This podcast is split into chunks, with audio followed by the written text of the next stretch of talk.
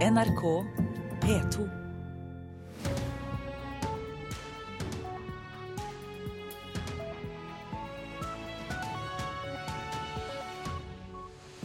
Ja, her ønsker Øystein Heggenei velkommen til Nyhetsmorgen onsdag 17.9. Dette er hovedsaker nå 6.30. Det er særlig de unge som mister jobben når oljebransjen nå kutter. De er giganter og konkurrenter, men i dag er det toppmøte mellom lederne i India og Kina.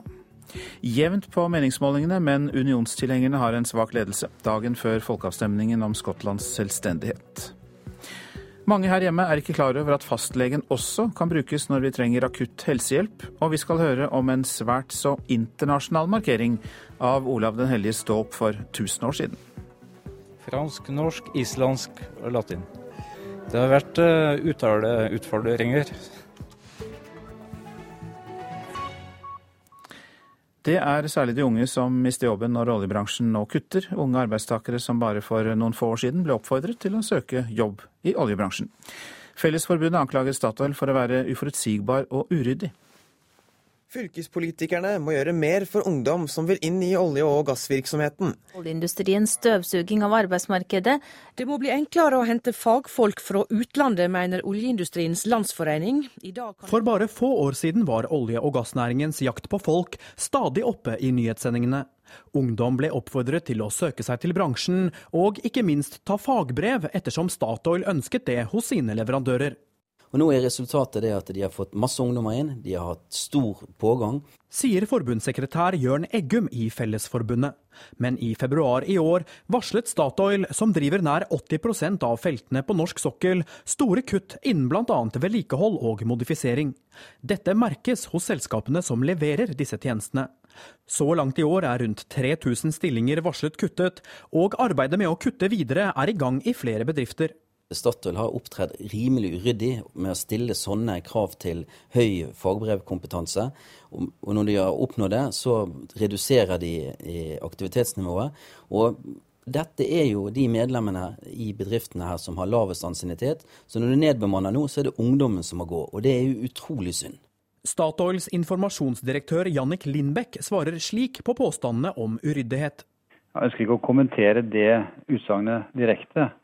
Men eh, bransjen, både oljeselskapene og eh, leverandørene, har vært opptatt av å styrke fagkompetansen i industrien.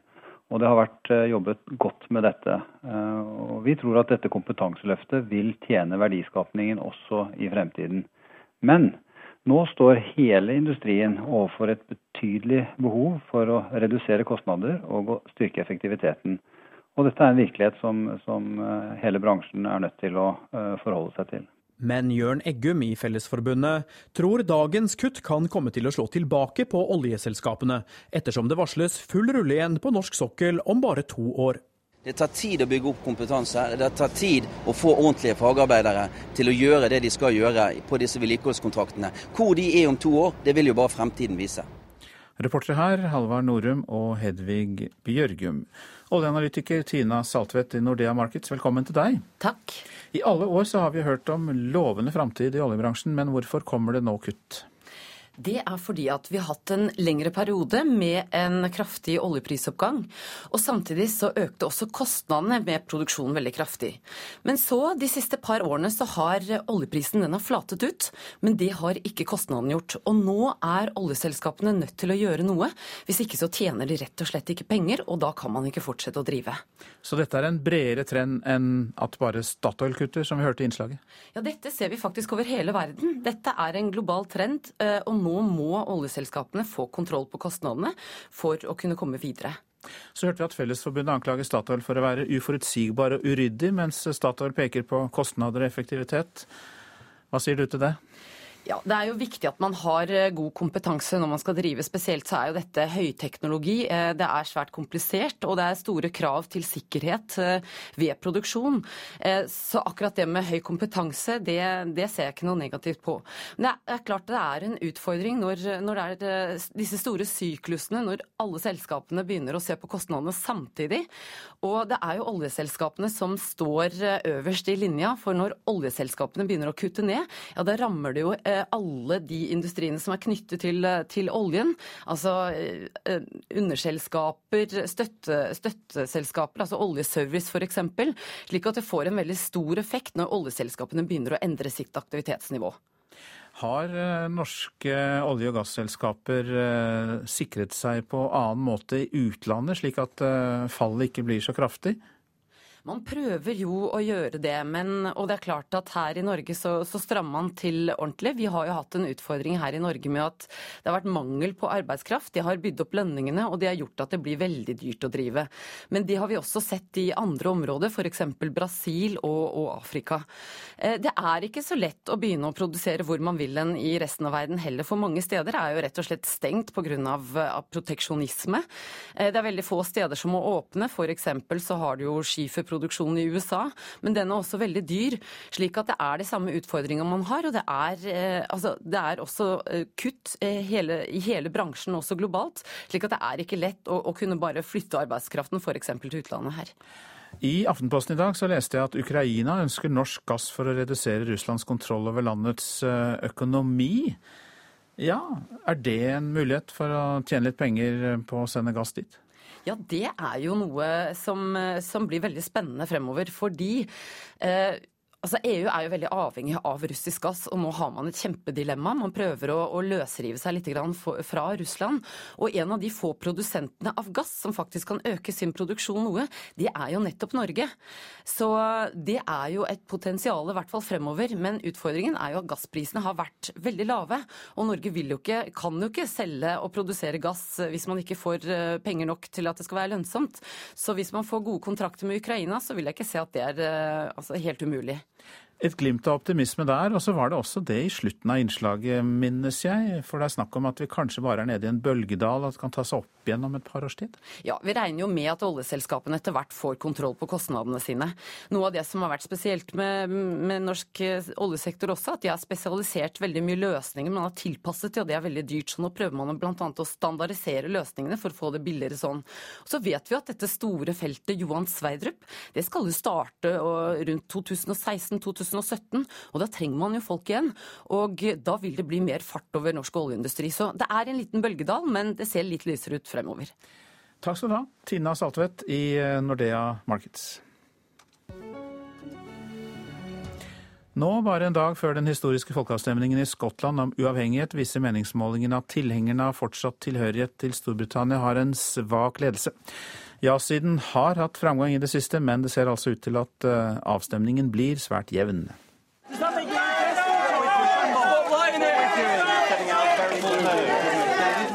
Det er faktisk lederen av det britiske arbeiderpartiet, David Miliband, som snakker. Det er vanskelig å høre hva han sier på supermarkedet i Edinburgh. Det ropes ja og nei av tilhengerne og motstanderne av løsrivelse. Det Miliband forsøker å si, er at alt skal bli så mye bedre for skottene dersom de bare velger å bli. I hvert fall skal de få mer selvstyre. Nå, helt mot slutten av den lange prosessen som har ført frem til folkeavstemningen, er ordene store på begge sider. Løsrivelse vil gjøre alle skotter rike, rike som nordmenn. Fortsatt samvær vil gi skottene en ny vår i et stort og mektig Storbritannia. Flere meningsmålinger i Skottland gir nei-siden en svak ledelse. Tre meningsmålinger viser alle at 48% er tilhengere av løsrivelse, mens 52% ønsker at Skottland fortsatt skal være en del av den britiske unionen. Fortsatt har omtrent én av ti skotter ikke bestemt seg, og som under så mange andre viktige valg, så er det sannsynligvis følelsene som vil bestemme til slutt, og det vet nei-siden. Welsh, English, Northern Irish, and of course Scottish. Denne reportasjen var laget av Halvard Sandberg. I dag innleder Kinas president Xi Jinping et tredagers besøk til rival og største handelspartner India. Etter tiår med gjensidig mistenksomhet er det ventet at dette besøket vil åpne dørene for enda tettere økonomiske og politiske bånd. Og hvorfor kan vi vente oss det, Asia-korrespondent Peter Svaar? Fordi India og Kina trenger hverandre. Indias nye statsminister Narendra Modi vant valget for bare noen måneder siden på løfter om nye arbeidsplasser og økonomisk vekst. Og som delstatsminister i Gujarat var kinesisk kapital en viktig del av den suksess, suksessformelen Modi nå er ventet å kopiere på riksplanet i indisk politikk. Og Da passer det jo bra at eh, Xi Jinpings besøk starter eh, nettopp eh, der i dag.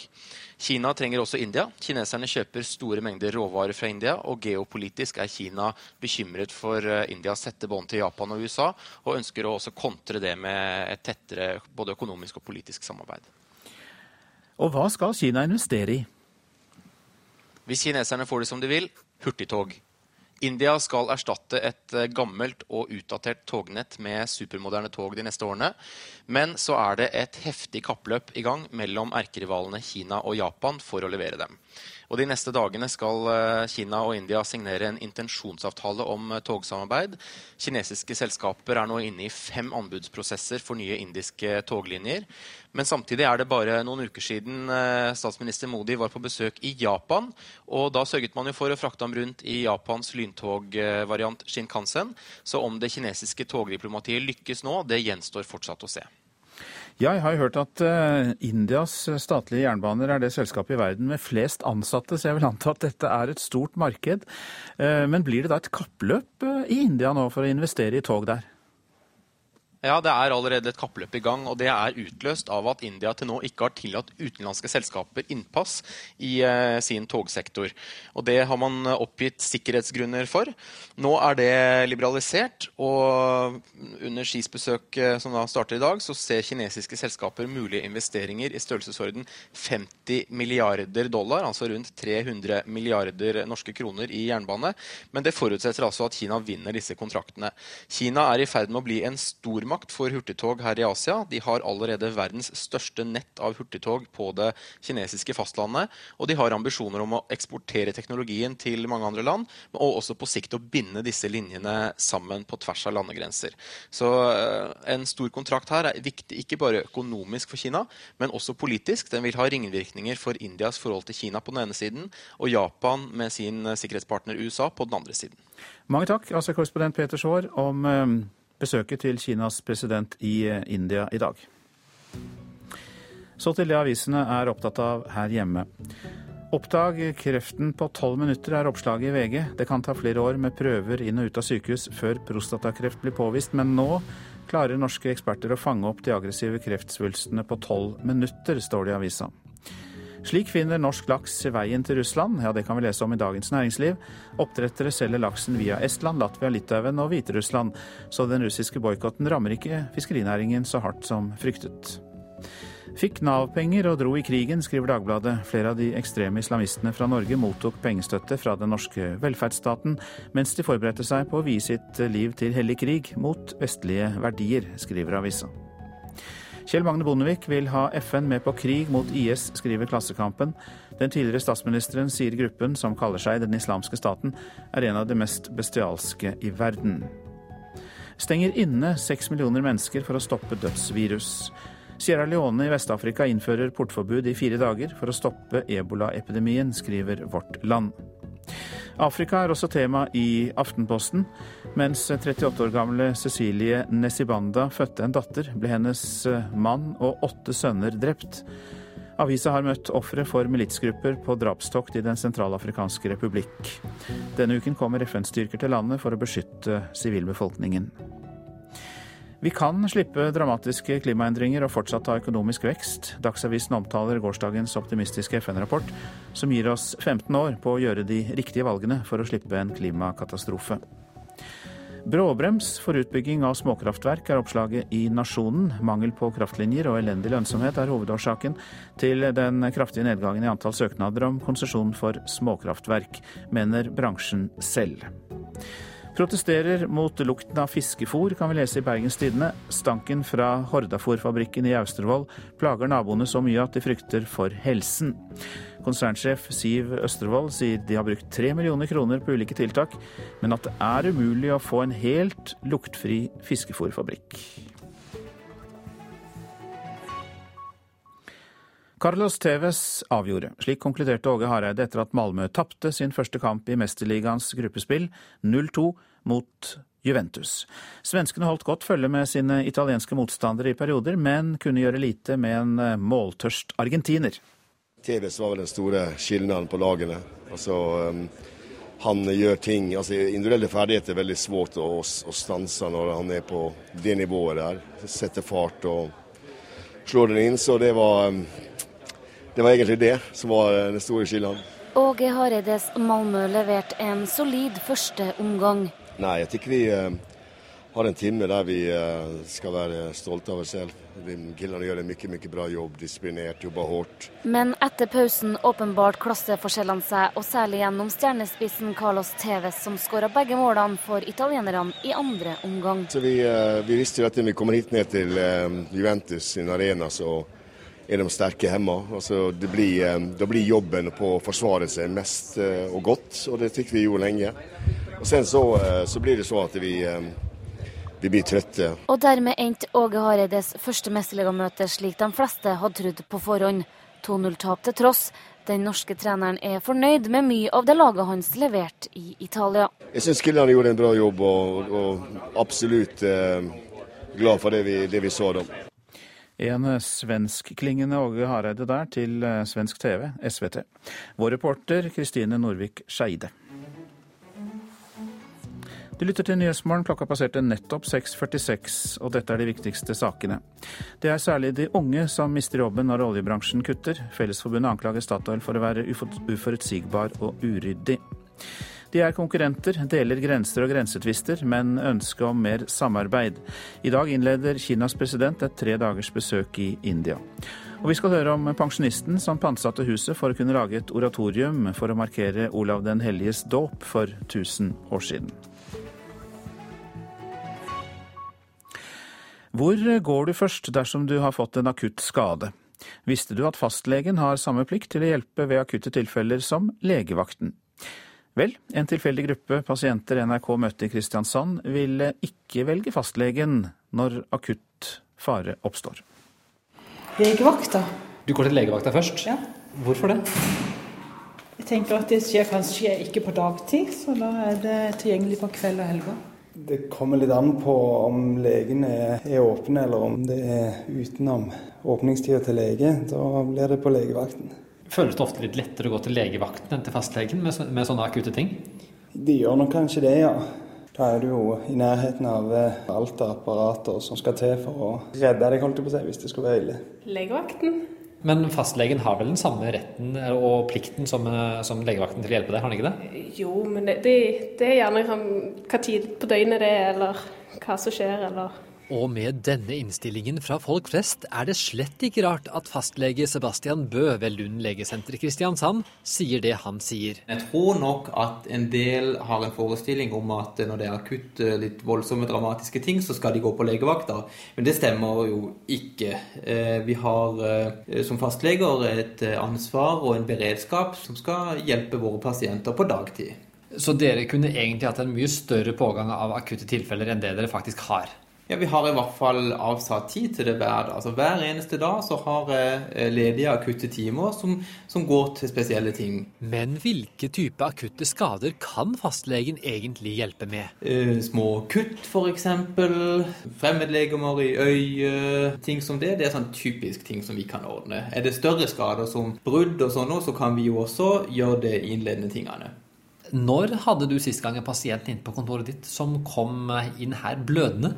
Eh, oi, ja, det husker jeg ikke akkurat, men eh, sist uke så hadde jeg i hvert fall det. Vil man oppleve å sitte mindre i kø om man kommer til legekontoret med en akutt situasjon, enn om man går til legevakten? Ja, det vil jeg helt klart påstå. På legevakta kan det jo være snakk om timevis i, i, kø.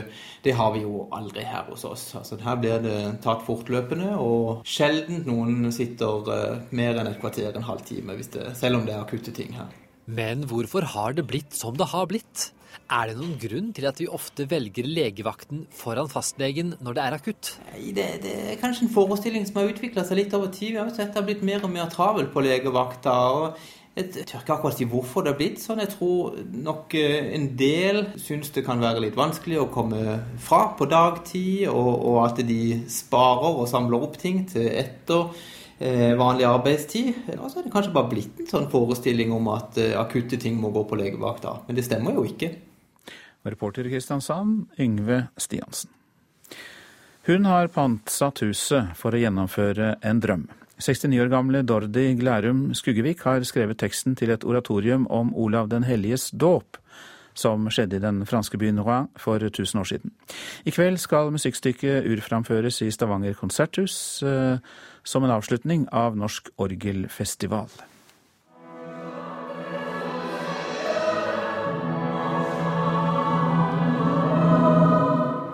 Hører først den gregorianske julesangen. Et barn er oss født osv. Det blir sunget på latin, på fransk, på nynorsk. Og så kommer Olav med ditt tre ganger kastende spørsmål liksom ut i verdensrommet. Hvem er du, Herre, som styrer stjerner i heimsens himmelhaller?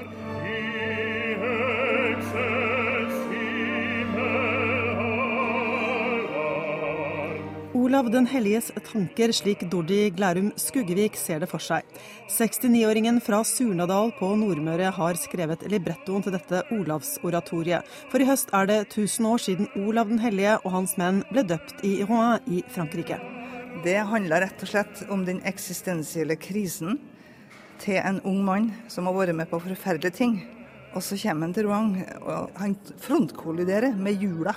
Han ser liksom eh, den store verdens herre som har skapt alt, går inn i verden som et lite barn. Og det, det var helt fremmed for en som har levd opp med, med vikingidealet for mannfolk.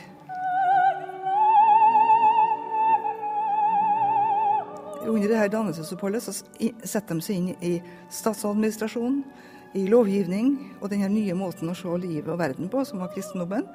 Og eh, vi kan tenke på hva var det Olav var med hjem. Jo, de har med kunnskap som gjorde at vi fikk den første eh, grunnloven, nemlig kristenretten.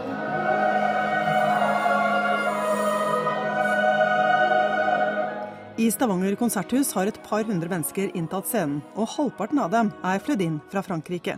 Her er fem solister, fire kor, operaorkester fra Rouen og organist fra Sacré-Cœur i Paris. Under ledelse av Ole Karsten Sundlisæter, som også har skrevet musikken. Og det er den uh, mentalitetsendringa som skjedde etter dåpen, som på en måte er det som feires ved oratoriet. Uh, altså bort fra barnedrap og Eh, skjebnetro og alt sånt. Det er på en måte en eh, feiring av det som ble det nye. Så her går det ikke på engelsk og norsk, men det går på fransk og norsk og latin? Fransk, norsk, islandsk og latin. Det har vært uh, uttaleutfordringer. I, I can speak a little Norwegian, so it was not very difficult for me. But for all other people in my career, it was difficult to pronounce i think it was um, as difficult for Norwegian to pronounce French. Franske Jérôme Pellican kunne litt norsk, så det gikk greit. Og han tror kanskje det har vært like vanskelig for mange av nordmennene å uttale fransk, eller gammelmodig nynorsk for den saks skyld. Men jusken. Og det er som en sånn kuppel, men jusken. Glærum Skuggevik er lektor i fransk teater og litteratur. 69-åringen er katolikk og slått til fransk ridder for sin innsats for gregoriansk sang. Olavsoratoriet er så viktig for henne at hun faktisk har pantsatt huset for å få det til. Jeg tror jeg kommer til å måtte selge min alderdomstrøst, min lille leilighet der nede på det norske helsesenteret på Gran Canaria. Men er det verdt det da, syns du? Ja, det er verdt det. Altså, Jeg har holdt på med det her i 30-40 år. Jeg samla alle trådene. For faktisk så ble det moderne Norge født i Roang. Det er der vi kommer fra, rett og slett. Og Olavsoratoriet skal eh, framføres også i Paris og Rouen i Frankrike i oktober. Reporter var, reporter var Anette Johansen Espeland. Oppsetningen av Billy Elliot i Oslo har aktualisert kritikken mot Danseinstituttet Bordar for at de setter inn praksiselever som gratis arbeidskraft i denne musikalen. Nå mener organisasjonen Norske dansekunstnere at Bordar må ta ansvar for den bransjen de utdanner studentene til, og ikke låne ut gratis arbeidskraft som tar jobber fra andre utøvere. I morgen har Billy Elliot premiere på Folketeatret i Oslo. Av de 70 som står på scenen, er ti personer Bordar-studenter som har praksisplass. Vi ser at det er en økende trend at studenter brukes i profesjonelle oppsetninger. Det sier Peder Horgen, som er forbundsleder i Norske dansekunstnere, NODA. Dette er ikke første gang det å bruke praksiselever i oppsetninger får kritikk.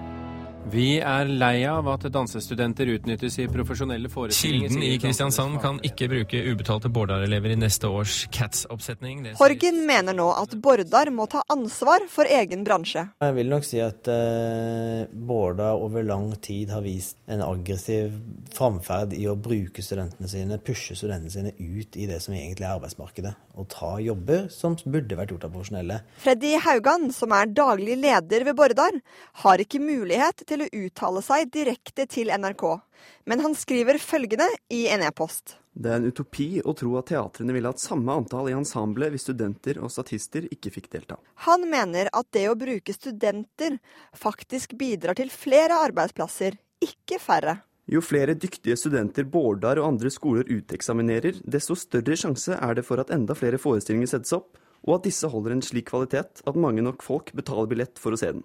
Dette er med på å skape arbeidsplasser, ikke fjerne dem, som Noda ser ut til å tro. Men Noda får støtte av Kjetil Falkum.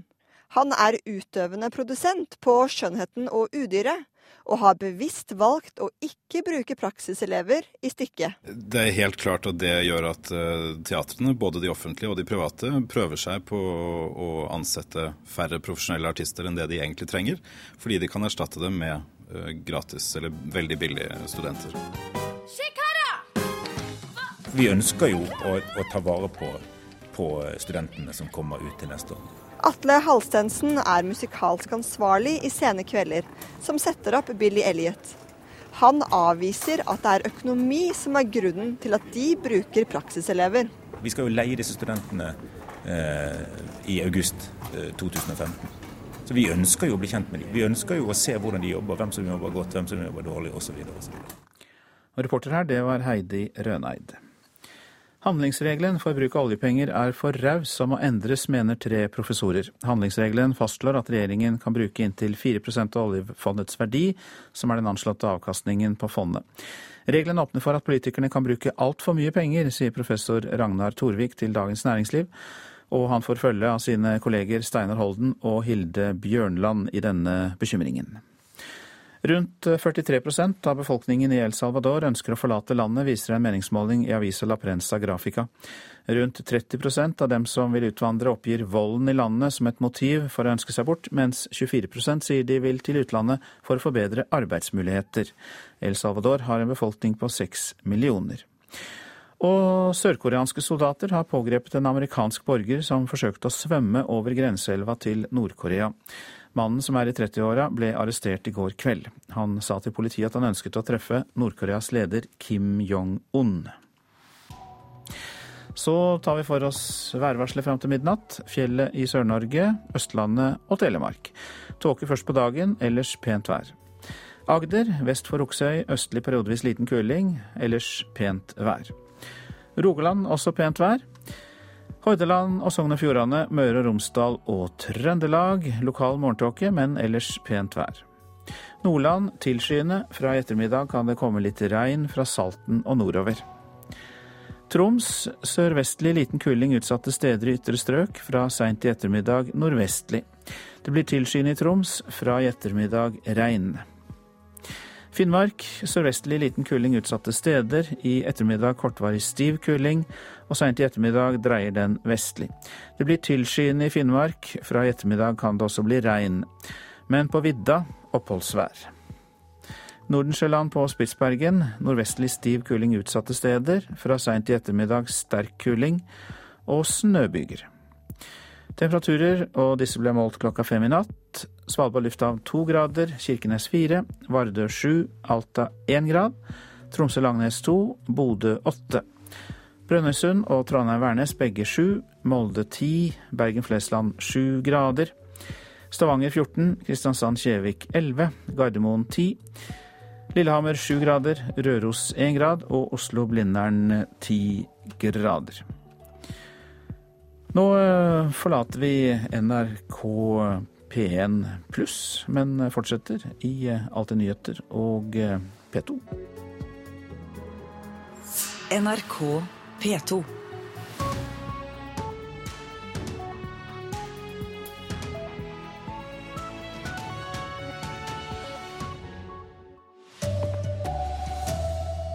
De eldste lever lenger. Tallet på hundreåringer kommer til å øke kraftig i åra som kommer. Og store kutt i oljebransjen råker de yngste arbeidstakerne. Her er NRK Dagsnytt klokka sju. Norske politikere har ti år på seg før eldrebølga slår inn for fullt. At flere blir eldre er gledelig, men vil også by på store utfordringer for samfunnet. Det går fram av Folkehelserapporten 2014, som i dag får et nytt kapittel om eldres helse. Vi gjør lurt i å forberede oss, sier seniorforsker Bjørn Heine Strand i Folkehelseinstituttet. Da bør man nok eh, tenke på at det blir eh, flere eldre, større andel eldre. Så da vil det nok bli større trykk på helse- og omsorgstjenestene. Så, så man trenger nok å bygge ut det. Vi blir stadig eldre her i landet, og om 10-15 år er de mange ungene som ble født like etter krigen, blitt over 80 år gamle. Og mange av dem kommer til å være pleietrengende. Det går frem av kapitlet om eldres helse som Folkehelseinstituttet presenterer i dag. Men mange kan holde seg frisk lenger ved å bruke både hodet og kroppen, sier Strand. Det er aldri for sent å begynne å, å, trene, og det er bare positivt. Du bør ikke heller gjøre det mye. Det er nesten bare å komme seg ut av stolen, ta en tur rundt huset. Men å, å være fysisk aktiv, det er aldri for sent. Reporter Kjartan Rørslett. Oljebransjen har så langt i år varsla kutt på flere tusen ansatte som følge av Statoil sine innsparinger. Forbundssekretær i Fellesforbundet Jørn Eggum sier de yngste arbeidstakerne blir ramma hardest. Dette er jo de medlemmene i bedriftene her som har lavest ansiennitet. Så når du nedbemanner nå, så er det ungdommen som må gå. Og det er jo utrolig synd. For bare få år siden var det motsatt. Unge ble oppfordret til å søke seg til bransjen, og ikke minst ta fagbrev, ettersom særlig Statoil etterspurte det hos sine leverandører. Nå, etter at Statoil har varslet store kutt innen bl.a. vedlikehold på norsk sokkel, blir mange av de unge fagarbeiderne sagt opp. Reporter Halvard Norum. I Mexico er både militære og sivile fly satt inn for å frakte ut kring 30 000 turister som har vært stranda i Baja California etter at flere hotell var rasert av en orkan mandag og tirsdag. Pga. bensinmangel har mange måttet gå til fots til flyplassen i Los Cabos. Der er trafikken i gang igjen, selv om deler av taket på terminalbygningen har fallet ned og vinduet er knuste. Ingen mister livet i orkanen. 135 mennesker er skadde. Og Tre personer ble i natt pågrepne på vei over grensa ved Svinesund. Politiet mistenker forsøk på menneskesmugling. Ifølge TV 2 kommer de tre fra to ulike afrikanske land. NRK Dagsnytt, Silje Sande. Her i Nyhetsmorgen skal vi også snakke om at eh, økt antall eldre blir en utfordring for samfunnet. Vi skal spørre overlege Anne Kristin Gulsvik til råds. Hun er spesialist på aldring. Menneskehandel, tvangsarbeid og organisert skattejuks skal bekjempes. Statsministeren inviterer til toppmøte om arbeidslivskriminalitet i dag. USAs forsvarssjef utelukker ikke bakkestyrker til Irak for å bekjempe IS. Og I dag er det toppmøte mellom giganter. Lederne i India og Kina møtes. To konkurrerende land som nå søker mer samarbeid. Som vi hørte i Dagsnytt, andelen eldre øker. Det er både gledelig og utfordrende for samfunnet, kan vi lese i et nytt kapittel om eldre i Folkehelserapporten 2014 som kommer ut i dag. På fem år, fra 2025, så blir det 100 000 flere mennesker mellom 80 og 90 år her i landet. Det kommer til å kreve mer av samfunnets helse- og omsorgstjenester, sier seniorforsker Bjørn Heine Strand i Folkehelseinstituttet.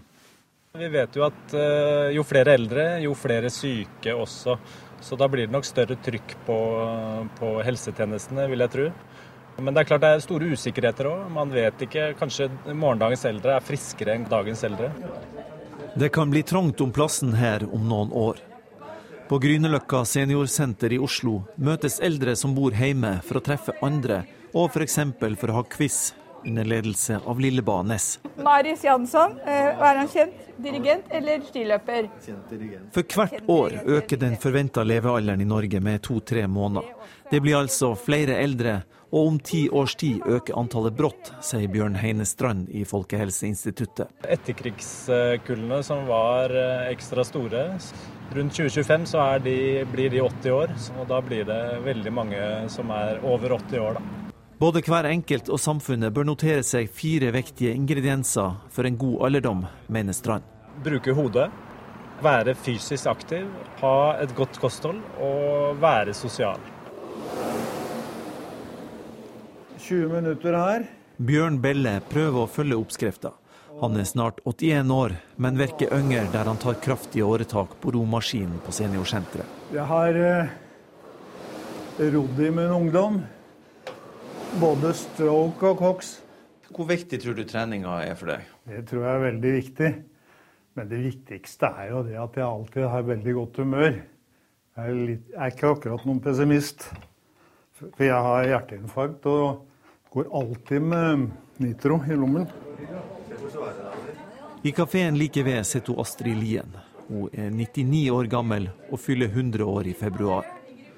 Også 100-åringene blir det mange flere av. Og hun Astrid vet hvor viktig det er å treffe andre. Derfor tar hun omtrent hver dag rullatoren og spaserer bort til seniorsenteret på Grünerløkka, noen kvartal fra der hun bor. Det betyr veldig mye å ha et sted å gå til og prate med, og ikke bli sittende hjemme og se på veggene bare. Bor du hjemme og klarer det sjøl? Ja, jeg bor hjemme og klarer meg selv. Jeg har hjemmehjelp hver annen uke. Det er all den hjelpen jeg har. Men datteren min er veldig flink til å hjelpe meg, da. Hvor gammel tror du at du blir? Hvor gammel jeg blir? Nei, det, det kan jeg ikke spå noe om. Jeg får ta de dagene som kommer, og leve så godt jeg kan. Det var nok et eh, godt råd, og reporter her det var Kjartan Røslett. Anne Kristin Gulsvik, god morgen til deg. Takk. Du er overlege ved medisinsk avdeling på Diakonhjemmets sykehus i Oslo. Spesialist på aldring, risikofaktorer da, og dødelighet. Men eh, la oss følge opp denne hundreåringen. Har du også noen gode tips for å holde oss eh, friske og bli eldre? Ja, jeg må jo vise til Bjørn Heine Strand sine gode råd om å trimme hjernen trimme kroppen, være sosialt aktiv. Gjerne bruke eldresentrene. Etter hvert som dine jevnaldrende venner faller fra, så kan man møte nye der. Og så er det det å være litt praktisk forberedt. Altså sørge for å ha godt tilpassede briller, godt tilpassede høreapparat. Sørge for å ha en bolig som gjør det mulig å komme hjem med en rullator etter en mulig lårhalsfraktur. Eh, det er mange ting folk ikke tenker på før det er i seneste laget. Vi har også et ansvar selv, selvfølgelig. Men la oss se det litt bredere også fra samfunnets perspektiv. Hvilke utfordringer står helsevesenet overfor eh, når andelen eldre blir så mye større? Ja, Noe av det viktigste er kanskje at en mye større andel av populasjonen vil til enhver tid leve med mer enn én kronisk lidelse. Så det gjør jo at trykket på helsevesenet vil bli mye større. Og så er det jo sånn at uh, fremtidens eldre er jo ikke slik som dagens eldre. De er mer opplyste, har tilgang på mer informasjon, de stiller større krav. De har bedre helse og mye lengre leveutsikter. Så det er vanskelig å spå hvordan alle disse variablene vil påvirke eh, behovet for helsetjenester i fremtiden. Du peker på noen ting som er viktig å huske på, samtidig som det er vanskelig å spå, som du sier. Eh, har du noen tips til eh, politikerne? Hvilke valg de bør ta nå for å gjøre oss forberedt? Jeg tror at eh, det er forskrekkelig viktig å eh, ha fokus på forebyggende helsearbeid. Altså det vi kan gjøre i dag for å minimere um, den perioden på slutten av livet hvor vi blir hjelpetrengende og alvorlig syke. Og så tror jeg det må avlives en del myter om alderdom. Eh, eldre mennesker er i aller største monn i dag eh, friske. Eh, stor studie fra New England viser jo at 75% av de på 95 var helt selvhjulpne. Sånn at jeg tror ikke vi skal frykte det så mye som vi skal kunne glede oss. Så vi får heller kanskje glede oss over det enn en, de, det man leser om at eh, det er så mange sykdommer man kan få. Ja, Alternativet til å bli gammel, det er jo ikke noe lystelig. Den tar vi med oss som en god sluttreplikk der. Takk skal du ha, Anne Kristine Gulsvik, som er overlege ved Diakonhjemmet. Takk skal du ha.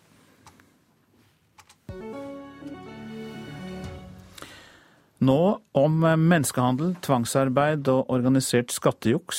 Det skal nemlig bekjempes. Derfor inviterer statsministeren til toppmøte mellom partene i arbeidslivet i dag. Regjeringen ønsker nemlig å legge en ny strategi og øke innsatsen mot arbeidslivskriminalitet. Mistanker om trygdesvindel, svarte penger, bedrageri, menneskehandel, tvangsarbeid og skatteunndragelse. Eivind Borge, som er taktisk etterforskningsleder i Kripos, var med på storaksjonen mot dagligvarekjeden Lime sist uke. De ønsker å tjene mest mulig penger, og det gjør de gjennom å bruke disse forretningsstrukturene. I dette tilfellet er det en dagligvarekjede, i andre tilfeller kan det være renholdsbransje, bygg og anlegg osv. Til å begå skatte- og avgiftsunndragelser, fiktiv fakturering, trygdemisbruk osv. Og, og, og den mer grove, alvorlige kriminaliteten som eh, menneskehandel representerer. Kriminalitet i arbeidslivet ser ut til å øke og bli et mer alvorlig problem i flere bransjer, mener regjeringen. Det gjør at både kompetanse og kvalitet trues av kriminelle miljøer, som har helt andre syn på arbeidstakere, det å betale skatt og mindre respekt for lover og regler. Derfor ønsker regjeringen en ny strategi og flere midler mot arbeidskriminalitet. Og i dag inviterer statsministeren og arbeids- og sosialministeren til toppmøte for å finne virkemidlene.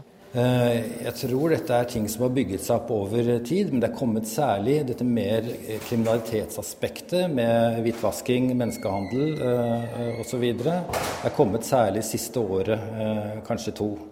Og dette har med arbeidsinnvandring og annen type innvandring å gjøre, men også med at organiserte nettverk trenger inn i Norge. Sier seniorrådgiver Jan Erik Støstad i LO.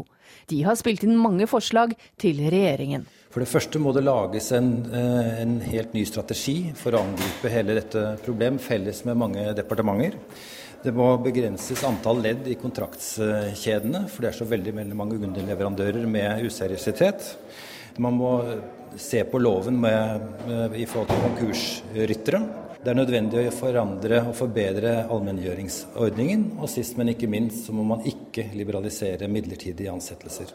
Også Riksadvokaten, Skattedirektøren, Arbeidstilsynet og Nav-sjef Joakim Lystad er med på arbeidet med en ny og forsterket strategi mot arbeidslivskriminalitet.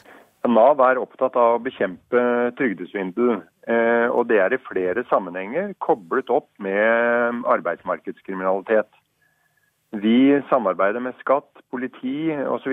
i det arbeidet, og vi bidrar også inn i regjeringens eh, handlingsplan mot eh, økonomisk kriminalitet. Så Vi er veldig glade for møtet som statsministeren har innkalt partene til og etatene til i morgen, og håper at det kan sette ytterligere fart i dette viktige arbeidet. Reporter Hedvig Bjørgum. Og arbeidsministeren blir jo en sentral person midt oppi alt dette. Derfor så er du her, Robert Eriksson. Velkommen. Takk for det. Hvor snart kan dere ha en plan klar for eh, innsats mot arbeidskriminalitet? Nei, Vi jobber med det uh, allerede. Vi er i gang med å jobbe fram nye tiltak, bedre tiltak. Uh, som gjør at man skal ta de som er useriøse. La meg få lov til å understreke det at i Norge så skal det være lett å være seriøs, og det skal være vanskelig å være kjeltring.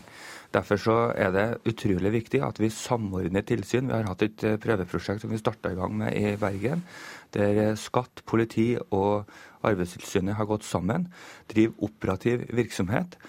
Det ønsker vi å gjøre flere plasser i landet. Det eh, viser seg det virker på en fantastisk god måte.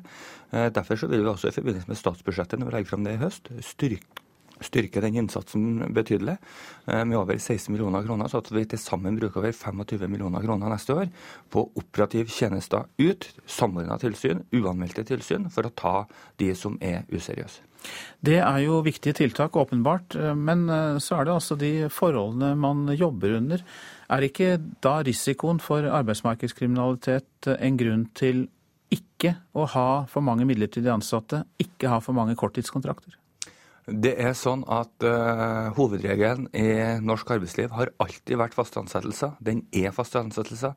Den vil også i framtida være faste ansettelser. Eh, men så ser vi også det at det er behov for at eh, enkelte ungdommer som har stått utenfor arbeidslivet i lang, lang tid, innenfor en kortere periode får prøvd seg fram, brukt inn mot bedriftene, at man har en kortere periode da, med midlertidige ansettelser for å ha den arenaen for å prøve seg fram. Vi kommer aldri til å bytte ut faste ansettelser med midlertidige ansettelser. La det være klinkende klart. Og så er det viktig at vi Eh, vi også eh, tenker fremover nå på hvordan, hvilket arbeidsliv skal vi ha. Eh, for det her snakker vi, altså det vi ser, og det som Økokrim også har, har kommet med rapporter på, det er jo det at det truer jo de seriøse. Det truer jo med at de som er, skaper nye arbeidsplasser, kan bli utkonkurrert. Arbeidsplasser forsvinner.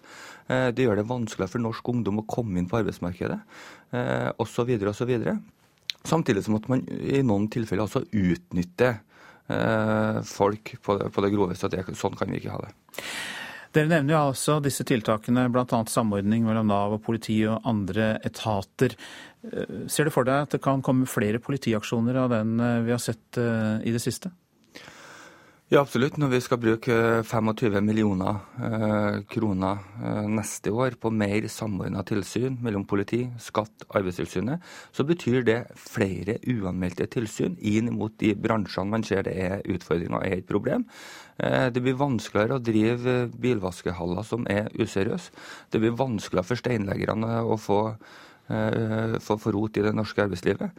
Eh, det blir vanskeligere på, det, på, på bygg- og anleggssida eh, å få at det kommer folk som, som skal være useriøse. Samtidig skal vi sette oss med, med partene også, og er i gang med en bransjeavtale på uteliv. Og jobber også fram en, en bransjeavtale på transport, som vi også ser store utfordringer med useriøsitet. Det store bildet til slutt, Eriksson. Vi har jo EUs indre marked med fri bevegelse av mennesker, varer og kapital. Bør den friheten begrenses noe for å hindre arbeidsmarkedskriminalitet? Nei, jeg tror det er sunt og bra at eh, folk kan reise rundt omkring i verden og ta seg arbeid. Sånn har det alltid vært, sånn vil det være. Men det som er det viktigste, er at vi har trygge, gode, ordentlige regler i det norske arbeidslivet for å forhindre useriøs, heie fram de seriøse. Og da er det toppmøte om dette i dag på statsministerens kontor, der du også skal være, selvfølgelig. Arbeidsminister Robert Eriksson, takk for at du kom. Dette er Nyhetsmorgen, og klokka den passerte nettopp 7.17. Vi har dette som våre viktigste saker. Befolkningen blir eldre. Det blir 100 000 flere mellom 80 og 90 år fram mot 2025. Menneskehandel, tvangsarbeid og organisert skattejuks skal bekjempes. Statsministeren inviterer til toppmøte om arbeidslivskriminalitet i dag, altså. USAs forsvarssjef utelukker ikke bakkestyrker til Irak for å bekjempe IS. Det skal vi høre mer om snart. Og eh, vi skal til den norskeste av alle byer i Sverige, Strømstad. Det er slett ikke klart hvilke partier som skal styre den byen de neste årene. Men først altså om at USAs forsvarssjef under en høring i Senatet i går sa at han kan komme til å be presidenten om å sende bakkestyrker til Irak. I sin tale om strategien overfor den islamske staten IS i forrige uke utelukket president Obama bruk av amerikanske kampstyrker på bakken. Men flere folkevalgte i USA uttrykte stor tvil om den strategien vil lykkes. Antikrigsdemonstranter har også adgang til åpne høringer i Senatets forsvarskomité, men ble resolutt vist på gangen da de avbrøt diskusjonen om kampen mot IS i Irak og Syria. Størst oppsikt vakte nok den frittalende forsvarssjefen Martin Dempsey da han svarte på et spørsmål om hva USA gjør hvis det viser seg at de irakiske eller syriske partnerne på bakken får alvorlige problemer med å klare sin del av jobben. Vi tror våre koalisjonspartnere vil klare jobben, begynte Dempsey fails to be true, and if there are threats to the United States, then I of course would go back to the president and make a Men hvis det ikke er tilfelle, og hvis USA er truet, så vil jeg selvsagt gå tilbake til presidenten og anbefale løsninger som inkluderer bruk av bakkestyrker, sa forsvarssjefen. Som eksempel brukte han en mulig irakisk offensiv for å gjenerobre den strategisk og økonomisk viktige byen Mosul i Nord-Irak. Om nødvendig kan det bli aktuelt å sette inn styrker som kan rådgi om nærkamp eller følge med på det oppdraget, sa Dempsey. Forsvarsminister Chuck Hagel redegjorde bl.a. for planene om å trene 5000 soldater fra den frie syriske hæren hvert år til bakkekampen mot IS i Syria. Det fikk komitéformann Carl Levin til å spørre om 5000 kan være nok, gitt at IS anslagsvis har rundt 30 000 under våpen. 5000 uh, alone is not going to uh, be able to turn the tide. We recognize that. on this 5000 kan ikke snu situasjonen alene, vi er enig i det, sa forsvarsministeren. Han mente samtidig at det er høyst uklart hvor mange soldater IS har. Så var det veteranen John McCains tur. Hvorfor tror dere den frie syriske hæren bare vil kjempe mot IS? FSAs hovedfiende er Assad, sa McCain og utfordret forsvarsministeren. But if they're attacked by Bashar Assad, we're not going to help them. They, they will defend themselves, Senator. Will we help them against uh, As- Assad's error? Men hvis de blir angrepet av Assad, vil vi ikke hjelpe, sa McCain, og viste til muligheten for flyangrep fra Assad. Forsvarsminister Hegel fikk problemer med å gi et klart svar. Først sa han at FSA vil forsvare seg selv, men endte opp med den litt uklare formuleringen 'ethvert angrep på dem vi har trent og som støtter oss, vi vil hjelpe dem'. Dette er et kjernepunkt, for det blir stadig klarere at det ikke er gitt at FSA og USA har samme mål, og at det kan lede til en situasjon der USA uten å ville det blir dratt inn i en krig på flere fronter i Syria, både mot IS og mot Assads regjeringsstyrker. Groholm, Washington. I dag innleder Kinas president et tre dagers besøk i India. Besøket er særdeles viktig for Indias nye statsminister, som har lovet eh, å på nytt gjøre India til et eh, lukrativt land for utenlandske investeringer.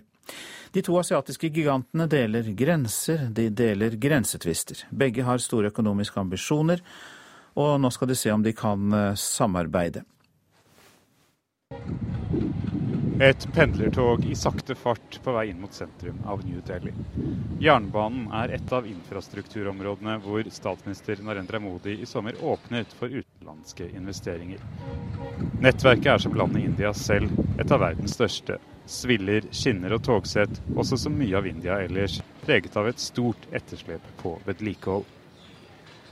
Both these issues are of importance to the Prime Minister. He has made it very clear that he is looking for investment in India from all quarters.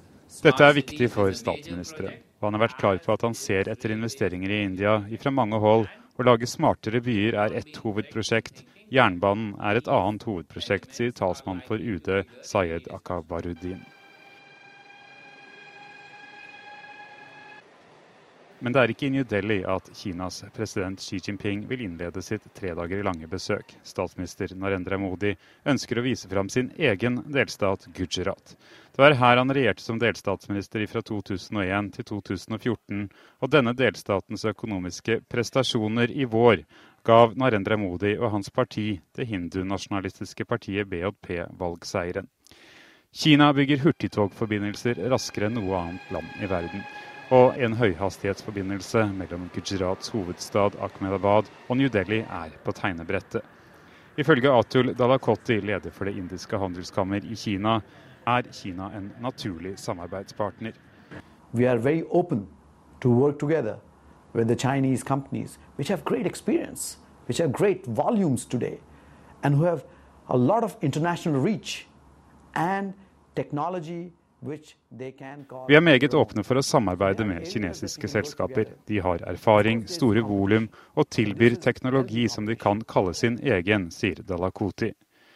Det demokratiske Indias forhold til det kommunistpartistyrte Kina er evig ambivalent og tidvis preget av misunnelse. Allerede på 60-tallet spurte indiske jordbruksbyråkrater om hvorfor kineserne evnet å pløye dypere og få mer ut av sine risåkre. Kinesiske merker som Lenovo er godt synlig i markedene i indiske byer. I dag frykter mange indere å bli utkonkurrert av billige kinesiske forbruksvarer. Og tett opptil besøket har både Beijing og New Delhi måttet prøve å dempe uro rundt grensetvister mellom Asias to giganter. The path towards a solution is based on a beginning of addressing those issues. Stien i retning av å løse disse problemene er å snakke om det. India har en ny regjering, og det er første gang Kinas president og vår statsminister vil kunne ha strukturerte samtaler, sa UDs talsmann Sayed Akbaraudin. Da han ble bedt om å kommentere det ikke helt enkle forholdet mellom India og Kina i forkant av besøket. Sa utenriksmedarbeider Philip Lote. Så til avisene. Oppdag kreften på tolv minutter er oppslaget i VG. Det kan ta flere år med prøver inn og ut av sykehus før prostatakreft blir påvist, men nå klarer norske eksperter å fange opp de aggressive kreftsvulstene på tolv minutter, skriver avisa. Slik finner norsk laks veien til Russland, ja det kan vi lese om i Dagens Næringsliv. Oppdretterne selger laksen via Estland, Latvia, Litauen og Hviterussland. Så den russiske boikotten rammer ikke fiskerinæringen så hardt som fryktet. Fikk Nav-penger og dro i krigen, skriver Dagbladet. Flere av de ekstreme islamistene fra Norge mottok pengestøtte fra den norske velferdsstaten, mens de forberedte seg på å vie sitt liv til hellig krig mot vestlige verdier. Kjell Magne Bondevik vil ha FN med på krig mot IS, skriver Klassekampen. Den tidligere statsministeren sier gruppen, som kaller seg Den islamske staten, er en av de mest bestialske i verden.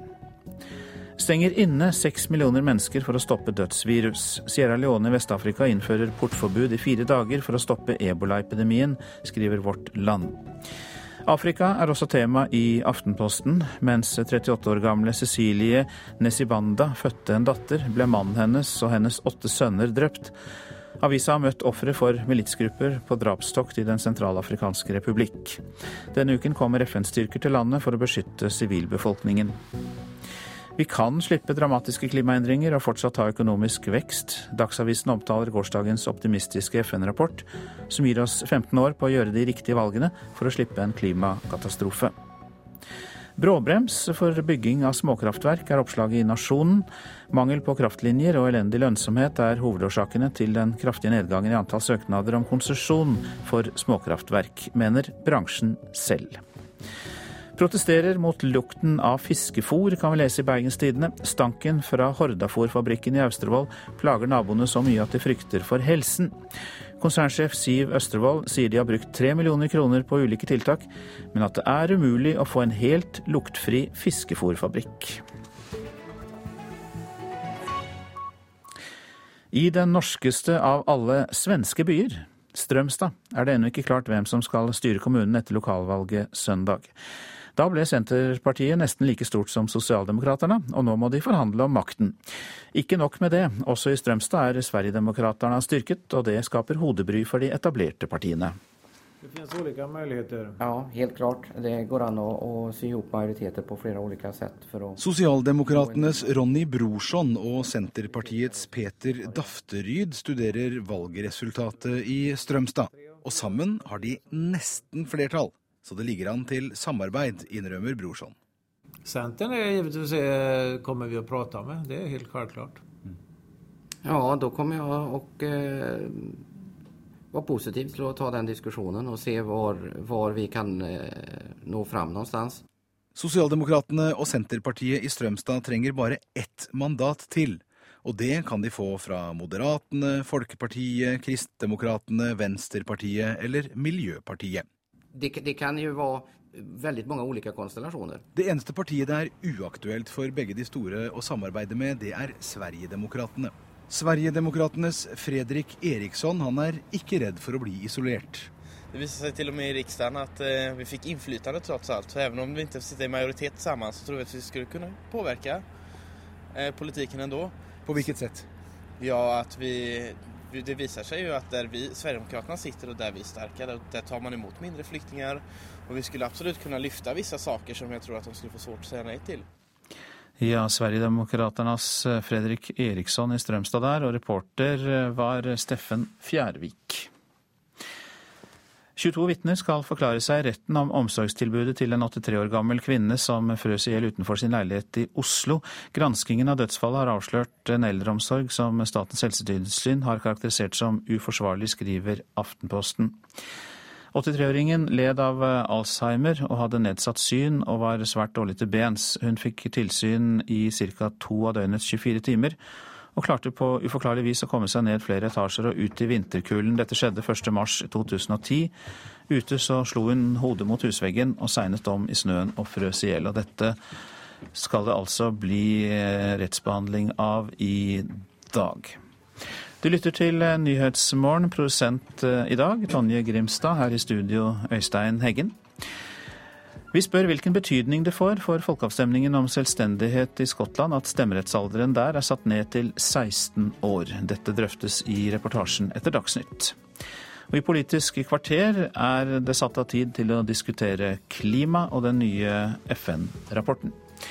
Og så minner vi om eh, nettstedet radio.nrk.no, der du kan høre alle NRKs radiokanaler og laste ned tidligere programmer som eh, podkast.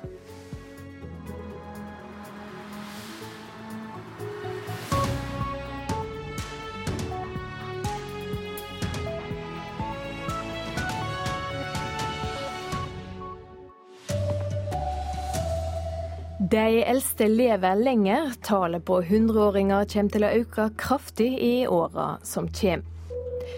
Regjeringa vil ha en ny strategi for å få bukt med kriminalitet i arbeidslivet. Og i Skottland ser det ut til at nei-sida har et knapt flertall ett døgn før folkerøstinga om løsriving fra Storbritannia. God morgen, her er NRK Dagsnytt klokka 7.30. Nordmenn blir stadig eldre, og det vil gi store utfordringer for samfunnet i åra som kommer. Om 16 år vil vi ha 100 000 flere eldre mellom 80 og 90 år her i landet, ifølge et nytt kapittel om eldre i Folkehelserapporten 2014. Det kommer til å kreve mer av helse- og omsorgstjenestene våre, sier seniorforsker Bjørn Heine Strand i Folkehelseinstituttet. Jo flere eldre, jo flere syke også. Men det er klart det er store usikkerheter òg. Man vet ikke. Kanskje morgendagens eldre er friskere enn dagens eldre. Det kan bli trangt om plassen her om noen år. På Grünerløkka seniorsenter i Oslo møtes eldre som bor hjemme for å treffe andre, og f.eks. ha quiz under ledelse av Lilleba Næss. Marius Jansson, dirigent eller skiløper? For hvert år øker den forventa levealderen i Norge med to-tre måneder. Det blir altså flere eldre, og om ti års tid øker antallet brått. Etterkrigskullene som var eh, ekstra store, rundt 2025 så er de 80 år. Både hver enkelt og samfunnet bør notere seg fire vektige ingredienser for en god alderdom, mener Strand. Bruke hodet, være fysisk aktiv, ha et godt kosthold og være sosial. 20 minutter her. Bjørn Belle prøver å følge oppskrifta. Han er snart 81 år, men virker yngre der han tar kraftige åretak på romaskinen på seniorsenteret. Jeg har eh, rodd i min ungdom. Både stroke og cox. I kafeen like ved sitter Astrid Lien. Hun er 99 år gammel og fyller 100 år i februar. Også 100-åringene blir det mange flere av. Og hun Astrid vet hvor viktig det er å treffe andre, Derfor tar hun omtrent hver dag rullatoren og spaserer bort til seniorsenteret på Grünerløkka. Det betyr veldig mye å ha et sted å gå til og prate med, og ikke bli sittende hjemme og se på veggene bare.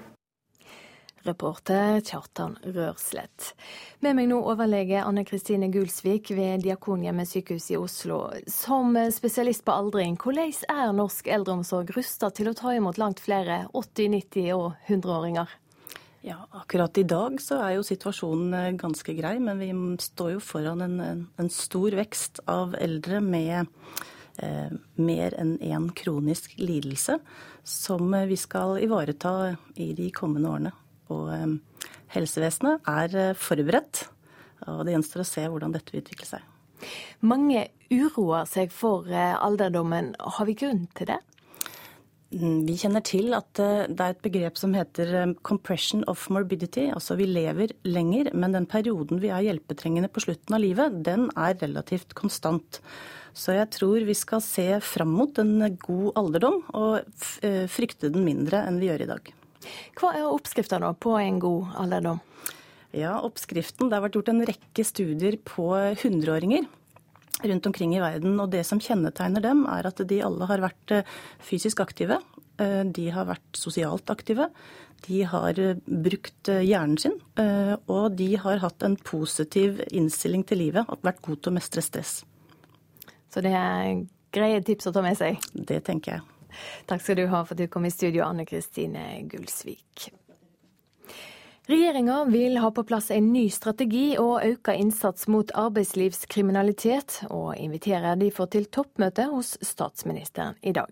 For det er et økende problem med menneskehandel, tvangsarbeid og organisert skattejuks her i landet. Mistanker om trygdesvindel, svarte penger, bedrageri, menneskehandel, tvangsarbeid og skatteunndragelse. Eivind Borge, som er taktisk etterforskningsleder i Kripos, var med på storaksjonen mot dagligvarekjeden Lime sist uke. Vi ser og har sett eh, tegn til at legale forretningsvirksomhet blir utkonkurrert av denne type virksomhet. Men det er ikke bare i butikkene det er lovløse tilstander. Kriminalitet i arbeidslivet ser ut til å øke og bli et mer alvorlig problem i flere bransjer, mener regjeringen. Derfor ønsker regjeringen en ny strategi og flere midler mot arbeidskriminalitet. Og i dag inviterer statsministeren og arbeids- og sosialministeren til toppmøte for å finne virkemidlene. Det mer kriminalitetsaspektet med hvitvasking, menneskehandel eh, osv. er kommet særlig siste året, eh, kanskje to. Sier seniorrådgiver Jan Erik Støstad i LO. Også Riksadvokaten, Skattedirektøren, Arbeidstilsynet og Nav-sjef Joakim Lystad er med på arbeidet med en ny og forsterket strategi mot arbeidslivskriminalitet. Nav er opptatt av å bekjempe trygdesvindel. Eh, og det er i flere sammenhenger koblet opp med arbeidsmarkedskriminalitet. Så Vi er veldig glade for møtet som statsministeren har innkalt partene til, og håper at det kan sette ytterligere fart i dette viktige arbeidet. Reporter Hedvig Bjørgum. En dag før den historiske folkerøstinga i Skottland om selvstendig, viser flere meningsmålinger at nei-sida har ei svak leding. Ja-sida, som altså ønsker en løsriving fra Storbritannia, har hatt en svak framgang i det siste, men det ser ut til at avrøstinga blir svært jevn. Det er faktisk lederen av det britiske Arbeiderpartiet, David Miliband, som snakker. Det er vanskelig å høre hva han sier på supermarkedet i Edinburgh. Det ropes ja og nei av tilhengerne og motstanderne av løsrivelse. Det Miliband forsøker å si, er at alt skal bli så mye bedre for skottene dersom de bare velger å bli. I hvert fall skal de få mer selvstyre. Flere meningsmålinger i Skottland gir nei-siden en svak ledelse. Tre meningsmålinger viser alle at 48% er tilhengere av løsrivelse, mens 52% ønsker at Skottland fortsatt skal være en del av den britiske unionen. Det sa reporter Halvard Sandberg. Statoil svikter de unge. Det mener Fellesforbundet etter at oljebransjen så langt i år har varsla kutt på flere tusen ansatte pga. Statoil sine innsparinger. Forbundssekretær Jørn Eggum sier det er de yngste arbeidstakerne som blir hardest råka. Dette er jo de medlemmene i bedriftene her som har lavest ansiennitet. Så når du nedbemanner nå, så er det ungdommen som må gå. Og det er jo utrolig synd. For bare få år siden var det motsatt. Fylkespolitikerne må gjøre mer for ungdom som vil inn i olje- og gassvirksomheten. Oljeindustriens støvsuging av arbeidsmarkedet. Det må bli enklere å hente fagfolk fra utlandet, mener Oljeindustriens landsforening. Oljenæringens behov for folk var stadig oppe i nyhetssendingene. Unge ble oppfordret til å søke seg til bransjen, og ikke minst ta fagbrev, ettersom særlig Statoil etterspurte det hos sine leverandører. Nå, etter at Statoil har varslet store kutt innen bl.a. vedlikehold på norsk sokkel, blir mange av de unge fagarbeiderne sagt opp. Statoil har opptredd rimelig uryddig med å stille sånne krav til høy fagbrevkompetanse. Og når de har oppnådd det, så reduserer de aktivitetsnivået. Informasjonsdirektør Jannik Lindbekk i Statoil svarer slik på påstandene om uryddighet. Jeg ønsker ikke å kommentere det utsagnet direkte.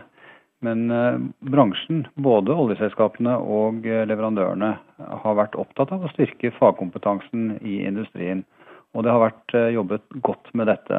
Og vi tror at dette kompetanseløftet vil tjene verdiskapningen også i fremtiden. Men nå står hele industrien overfor et betydelig behov for å redusere kostnader og å styrke effektiviteten. Og dette er en virkelighet som, som hele bransjen er nødt til å forholde seg til. Reportere Halvard Norum og Hedvig Bjørgum.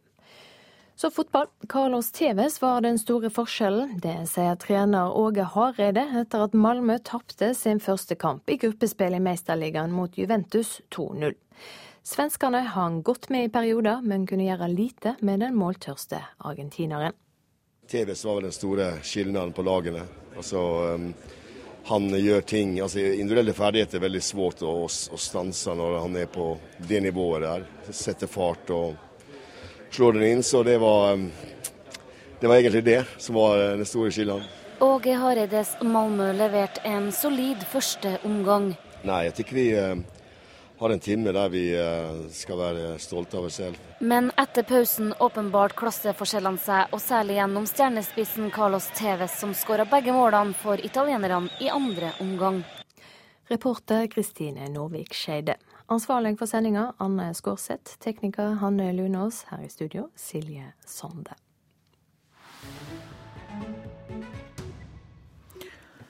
Vi slår fast at du lytter til Nyhetsmorgen. Når skottene i morgen skal stemme ja eller nei til løsrivelse fra Storbritannia, så stemmer mange unge for første gang. Den skotske lokalregjeringen har nemlig bestemt at 16- og 17-åringene skal ha stemmerett nå.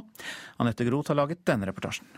What's been really uh, heartening to see is how seriously many of them have taken the responsibility. Dave Howard, journalist i BBC, driver et prosjekt med en gruppe unge førstegangsvelgere. Han blir glad over hvor alvorlig de tar ansvaret. Det er over 120 000 16- og 17-åringer i Skottland, og nesten 110 000 av dem har registrert seg til folkeavstemningen. En av dem er Amina Davidson. Hun er 16 år gammel og en begeistret ja-velger. So I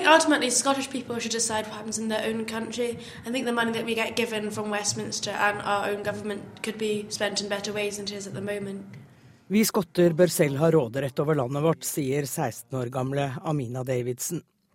Hun tror pengene som tilflyter Skottland fra London-regjeringen, kan utnyttes bedre av skottene selv. Men det er flere andre grunner til å stemme ja. I think for me personally, we be keeping our strong Scottish identity and culture and trying to just strengthen that in as many ways as possible. Because I'm heavily involved in like traditional music, playing the fiddle and accordion. For meg personlig er kultur og identitet kanskje det viktigste, sier 16 år gamle Amina Davidson. Hun spiller både fele og trekkspill, og er ivrig deltaker i folkemusikkmiljøet. Dave Howard har fulgt Amina og 50 andre ungdommer det siste året. Prosjektet heter Generasjon 2014, og Howard mener ungdommene er modne nok til å stemme. If, you know, if, if 16, you can join the military, you can you know, have sex, you can get married, you can certainly pay taxes. Når du er 16 kan du dra i det militære, du kan ha sex og du kan gifte deg. Betale skatt kan du også så da er det ikke så unaturlig at du får lov til å stemme, sier Dave Howard fra BBC. Han forteller også om forskning på denne aldersgruppen fra Edinburgh-universitetet. They suggest that they're an incredibly fact-oriented group. They're making up their decisions not on you know, Braveheart style, slathering the face in blue paint, uh, not on uh, which way their parents are voting, not on kind of you know, matters of the heart. They're, they're analysing quite carefully the pros and cons. What's in it for them? What will change? What will not change? Ungdom er opptatt av fakta. De stemmer ikke ut fra myter om Braveheart og ved å vifte med skotske flagg. De stemmer ikke som foreldrene sine heller, og følger ikke bare følelser. De analyserer og de ser på fakta, sier Dave Howard. 16 år gamle Amina Davidson er klar til å stemme, og sier at interessen for folkeavstemningen blant hennes jevnaldrende er stigende. Really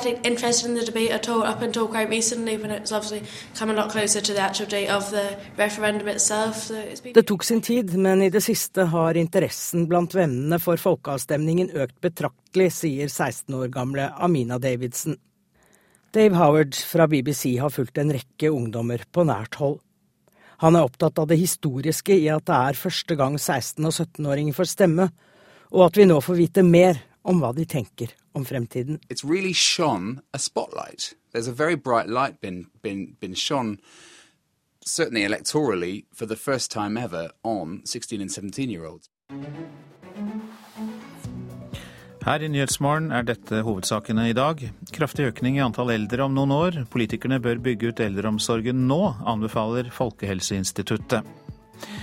Menneskehandel, tvangsarbeid og organisert skattejuks skal nå bekjempes. Statsministeren inviterer til toppmøte mellom partene i arbeidslivet i dag. Statoil svikter de unge, det hevder Fellesforbundet etter at oljebransjen så langt i år har varslet kutt på flere tusen ansatte som følge av Statoils innsparinger. USAs forsvarssjef utelukker ikke at han kommer til å be presidenten om å få sende amerikanske bakkestyrker til Irak for å bekjempe den islamske staten IS. Så minner vi om nettstedet radio nrk.no, der du kan høre alle NRKs radiokanaler og laste ned tidligere programmer. Nå Politisk kvarter. Der er Håvard Grønli programleder.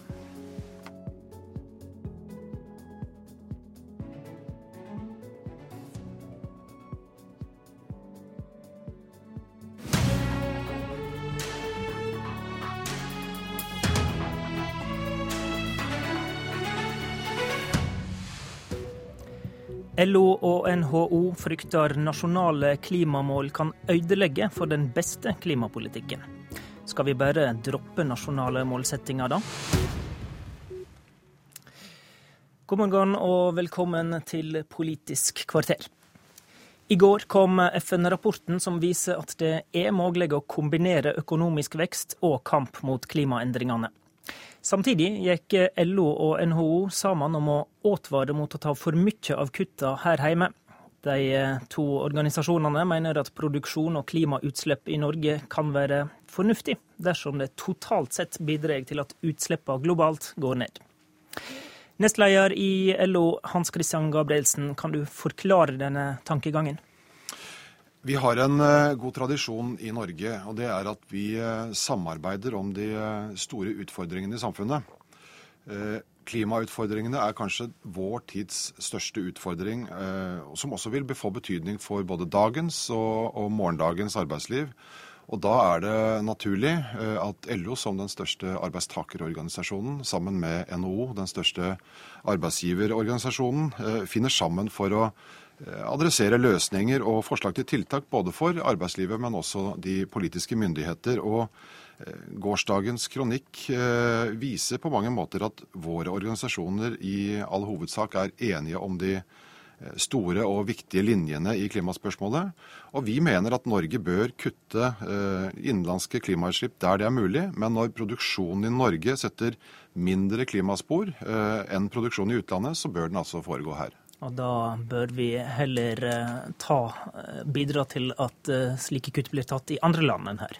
Vi må gjøre begge deler. Vi må kutte hjemme, men vi må også bidra til å ta kutt som globalt sett reduserer klimautslippene. Direktør Petter Has Brubakk i NHO.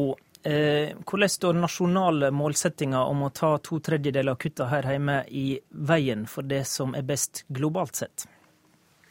Det vi har sagt er at De kan stå i veien uh, hvis, man, uh, hvis man, er ja, nær sagt uheldig. Jeg syns Hans Christian Gabrielsen nettopp, uh, nettopp sa veldig godt hvorfor det er viktig å ha det perspektivet også. Fordi mye av de norske klimagassutslippene skjer f.eks. i vår kraftforedlende industri. Men det er altså en industri som leverer produkter verden trenger som eh, produserer med fornybar norsk vannkraft som innsatsfaktor, i motsetning til eh, veldig, veldig mange andre lands industrier. Og som produserer det de eh, skal med veldig lav innsats av ressurser. At vi får til mye med mindre ressursinnsats enn med mange andre. Og det vi har sagt er at Da må ikke nasjonale klimakuttmål bidra til at den type industri eh, må flytte til andre land, hvor man altså får høyere utslipp for å produsere det samme. Det er egentlig å sørge for at vi har en klimalogikk i klimapolitikken vår. Og eh, norsk klimapolitikk er blitt NM i å sette seg for høye mål, sa NHO-sjef Kristin Skogen Lund i går. Hvordan da? Altså, vår oppfatning er at vi diskuterer for mye ulike målsetninger som vi eh, ofte har vist at vi ikke klarer å nå. At vår, vårt poeng nå er at vi må konsentrere oss om å gjennomføre de målene vi har. Det er en veldig krevende jobb og en stor omstilling som Hans Christian Gabrielsen også er inne på, som vil kreve full innsats fra mange i, i norsk nærings- og arbeidsliv. Men at konsentrasjonen og, og, fokuset nå må ligge på hvordan vi klarer å gjennomføre klimapolitikken, ikke å vise hvem som er flinkest ved å sette høyere og høyere mål. Bør vi gå bort fra slike ambisiøse nasjonale målsettinger, da? Nei, vi må ha nasjonale målsettinger eh, på ikke minst de områdene hvor vi eh, har, eh, ikke er utsatt for global konkurranse, og hvor vi kan bidra mye med det vi gjør hjemme. Et godt eksempel er jo utfasing av oljefyrer i oppvarming av boliger og kontorbygg. transportsektoren som står for de, faktisk, de største utslippene i Norge. Vi har et annet eksempel hvor det er nødvendig å ha veldig ambisiøse mål for klimakuttreduksjonene. Men vi har vært opptatt av at vi må også snakke om den delen av vårt eh, næringsliv, eh, de industriene som faktisk produserer med lavest klimafotavtrykk. De må eh, fortsette å gjøre det i Norge, og de må vi kunne utvikle videre i Norge. Miljøvernminister Tine Sundtoft fra Høyre, er du enig i analysen fra LO og NHO? Det er jeg veldig enig i, at vi nå må få en mer eh, jordnær klimadebatt. Der vi får en analyse på hvor er vi, hvor skal vi, og hvordan kommer vi dit. Derfor tror jeg det er viktig at vi setter oss klare mål i eh, klimapolitikken, og også er ærlige om Norges situasjon. Men det må ikke være tvil om at vi må ha nasjonale mål. Det er kombinasjonen av det internasjonale arbeidet og nasjonale mål. Vi skal levere våre nasjonale utslippsmål innen første kvartal neste år, som en del av vårt innspill til avtalen som vi forhåpentligvis får på plass i Paris neste år. Så vi må ikke få en ny debatt om vi skal gjøre ting ute eller hjemme. Svaret er vi må gjøre begge deler. Men å få en mer jordnær klimadebatt i Norge, hva vi faktisk kan gjøre, det er jeg veldig opptatt av. Men er det er det sånn nå at regjeringa har egentlig gitt opp å nå målsettingene om nasjonale utslippsreduksjoner om to tredjedeler av utslippskuttene her i Norge innen 2020? Nei, vi har ikke gitt opp. Klimaforliket er gjeldende politikk. Men det vi ærlig sier, at det er krevende å nå de målene, men vi arbeider absolutt for å nå dem. Og Det er også det ambisiøse som ligger i 2020-målene som gjør at vi må gjøre mye nå. Men vi er også ærlige på at noe av det vi gjør nå, vil først få effekt effekt etter 2020. Men det er jo ikke til hinder for at vi skal ha en ambisiøs klimapolitikk nå. Jeg sier, Nå vet vi veldig mye mer. Etter vi fikk den rapporten fra Miljødirektoratet, så vet vi at vi har et gap på 8 millioner tonn. Vi vet hvordan utslippene fordeler seg. Vi vet at uh, ca. en fjerdedel kommer fra olje og gass, ca. 30% fra transport, drøye 20% fra industri og 20% fra bygg. Da må vi inn i alle de områdene og se hva vi kan gjøre. Og la meg gi honnør. Norsk mm. industri har gjort en kjempejobb. De har kutta masse utslipp siden 1990. Men de står fremdeles for 22% av utslippene, og vi må ha industrien med på laget til å kutte mer. Og det opplever jeg at næringslivet er med på. Men hvis det er sånn at uh, norsk industri uh, er renere enn sammenlignbar industri i utlandet, uh, er, det, er, du enig i det de sier her, da? Da kan det være fornuftig å ha de utslippene her hjemme? Men det er jo derfor at regjeringen bruker mye penger på klimateknologi. Putter på 12 milliarder kroner på klimateknologiordningen, som igjen finansierer Enova. Enova har gitt Hydro Karmøy halvannen milliard kroner, for de skal i gang med et pilotprosjekt for å produsere verdens reneste aluminium. Det er jo et kjempegodt eksempel på at vi kan bidra til internasjonal klimapolitikk ved å produsere smart i Norge. Der er jeg helt enig med LO og NO. Men det må ikke stå i veien for at ikke vi skal ha en ambisiøs klimapolitikk. Hilde Opoku, du er nasjonal talskvinne i Miljøpartiet De Grønne. Hvordan eh, reagerer du på LO og NHO sin eh, klimaoffensiv? Vi er veldig glad for at de har begynt å snakke klima, at de snakker klima sammen. Eh, og vi er veldig enig i mye av det de sier i forhold til den landbaserte strategien fremover. Men det er jo ingen som så langt i debatten nå i morgen, på morgenstimene her som har snakka om elefanten i rommet, og det er norsk petroleumsindustri.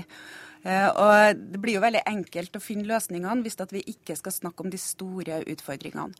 Og Vi tenker jo at det er ikke bare et klimaperspektiv, men i forhold til norsk velstand framover, i forhold til norske arbeidsplasser framover, at vi må begynne å omstille den industrien nå, sånn at vi er beredt i forhold til det som skjer ute. For det er ikke bare sånn at vi skal bidra til klimareduksjoner ute. Det skjer veldig mye allerede, og vi kommer til å bli sinke om vi ikke starter den omstillinga hjemme her. Men er det ikke sånn at eh, det gode kan bli det bestes fiende? Hvis norsk prosessindustri og kraftproduksjon er renere enn i andre land, så er det vel bedre å slippe ut litt her da, og så bidra til reduksjoner andre plasser? Det er det totale bildet som er viktig, og da må vi både gjøre noe hjemme og ute, som det er sagt utallige ganger, og som sikkert de fleste er lei av å høre. Eh, men vi kan ikke la være å gjøre noe med petroleumsindustrien vår. Her snakker vi om at vi skal utfase olje- og gassindustrien, ikke at vi bare skal flytte den ute. To tredeler må bli liggende eh, hjem her også. Og da må vi nødt til å begynne å bygge opp en annen eh, industri eller arbeidsplasser i Norge enn bare å skifte. Og så ble det også sagt i den artikkelen her at eh, enkelte som vil utfase oljen, ikke har et realistisk perspektiv i forhold til hva vi skal gjøre med oljefondet allerede. Og det er jo nettopp det å investere ute i fornybar energi som er framtida både ute og hjemme. Og der kan Norge gå foran. Gabrielsen i LO. Altså, det er en tendens til at hver gang vi skal diskutere spørsmålet om klima, så er løsningen å stenge ned norsk sokkel. Eh, og det blir for enkelt, eh, i tillegg til at det blir galt. Eh, og et spørsmål om hvor mye av norsk olje og gass som skal bli liggende, handler ikke først og fremst om klimadiskusjonen som sådan. Vi må fortsatt utvikle norsk sokkel ansvarlig, særlig med fokus på klima- og miljøhensyn. Samtidig som vi holder fokus og målet om en høy og stabil produksjon på norsk sokkel. Og vi mener, eh, både LO og NHO mener at det er fullt mulig å få til begge deler. For husk det at to tredjedeler av de fossile energikildene som eh, må bli liggende igjen, er kull. Eh, og IEA, altså Det internasjonale energibyrået, peker jo nettopp på norsk gass som en bro over i lavutslippssamfunnet for eh, europeisk kullindustri, som nå fyres opp i stort monn. Og det er dårlig nytt for klimaet. Er det mulig å få til begge deler? Ja, absolutt. Og vi hørte jo i går i diskusjonene om denne rapporten at det er en myte det at eh, norsk gass eh, skal være en bro over til fornybarsamfunnet. Europa er allerede knytta opp mot et 2020-20-mål, eh, hvor man både skal redusere, hvor man skal effektivisere og hvor man skal bygge opp ny energikilder. Og at Norge nå baserer seg på de gamle, betyr jo bare at vi kommer til å stå utafor på lengre sikt. Sundtoft. Eh, FNs miljøsjef eh, Achim Steiner er også veldig tydelig på at det hjelper veldig lite at vi stenger ned norsk olje- og gassproduksjon. Det står for 2 av verdens produksjon. Men det betyr mye mer hva vi bidrar med i det internasjonale klimaarbeidet. Og det skal vi gjøre. Vi tar en stor rolle der. Men vi sier også at vi skal omstille dette landet. Og jeg tror vi hadde vært så mye mer tjent med å få en mer jordnær klimadebatt. Hva kan vi gjøre innenfor transportsektoren? Hva kan industrien bidra med? Hva hva må olje og gass bidra med? Hva må bygg? Vi ser nå mye av løsningen ligger i hvordan vi planlegger byene våre. Kan vi ikke begynne å diskutere mer det vi faktisk kan få til, for å få flere engasjert i klimaspørsmål og skjønne at vi må endre oss. Vi kan ikke fortsette som nå. Men hver gang kommer denne diskusjonen opp, og det tror jeg skaper en avstand til klimapolitikken, og det er jeg bekymra for. Ser du den faren nå, Pukke?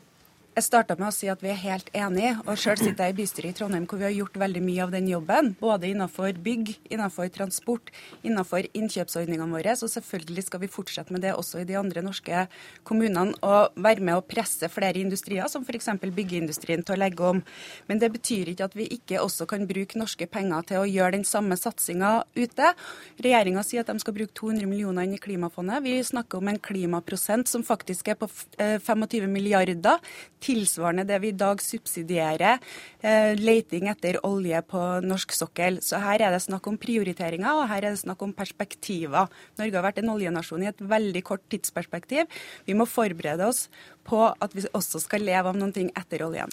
Gabrielsen, er det sånn at eh, LO og næringslivet bare støtter nasjonale klimamålsettinger hvis det ikke går utover norske arbeidsplasser? Nei. Eh, det er på mange måter en historieforfalskning det også eh, gi et inntrykk av at de lange linja eksempelvis i norsk oljepolitikk ikke eh, inneholder det å stille strenge klimakrav. Vi har en lang historie med å stille krav, f.eks. når det gjelder forbud mot fakling, når det gjelder CO2-avgift på sokkelen, når det gjelder eh, medlemmer i å, å, å ha sektoren inne i EUs kvotemarked. Og det må vi fortsette med. Eh, vi må fortsette å stille strenge krav, eh, både til olje- og gassindustrien, petroleumsindustrien, til landbasert industri, og vi må fortsette å stille strenge krav overfor transportsektoren og innenfor arealplanleggingen. Det har vi gjort, og det har bidratt positivt til, til å bringe fram innovasjonskraft, til å bringe fram teknologiutvikling.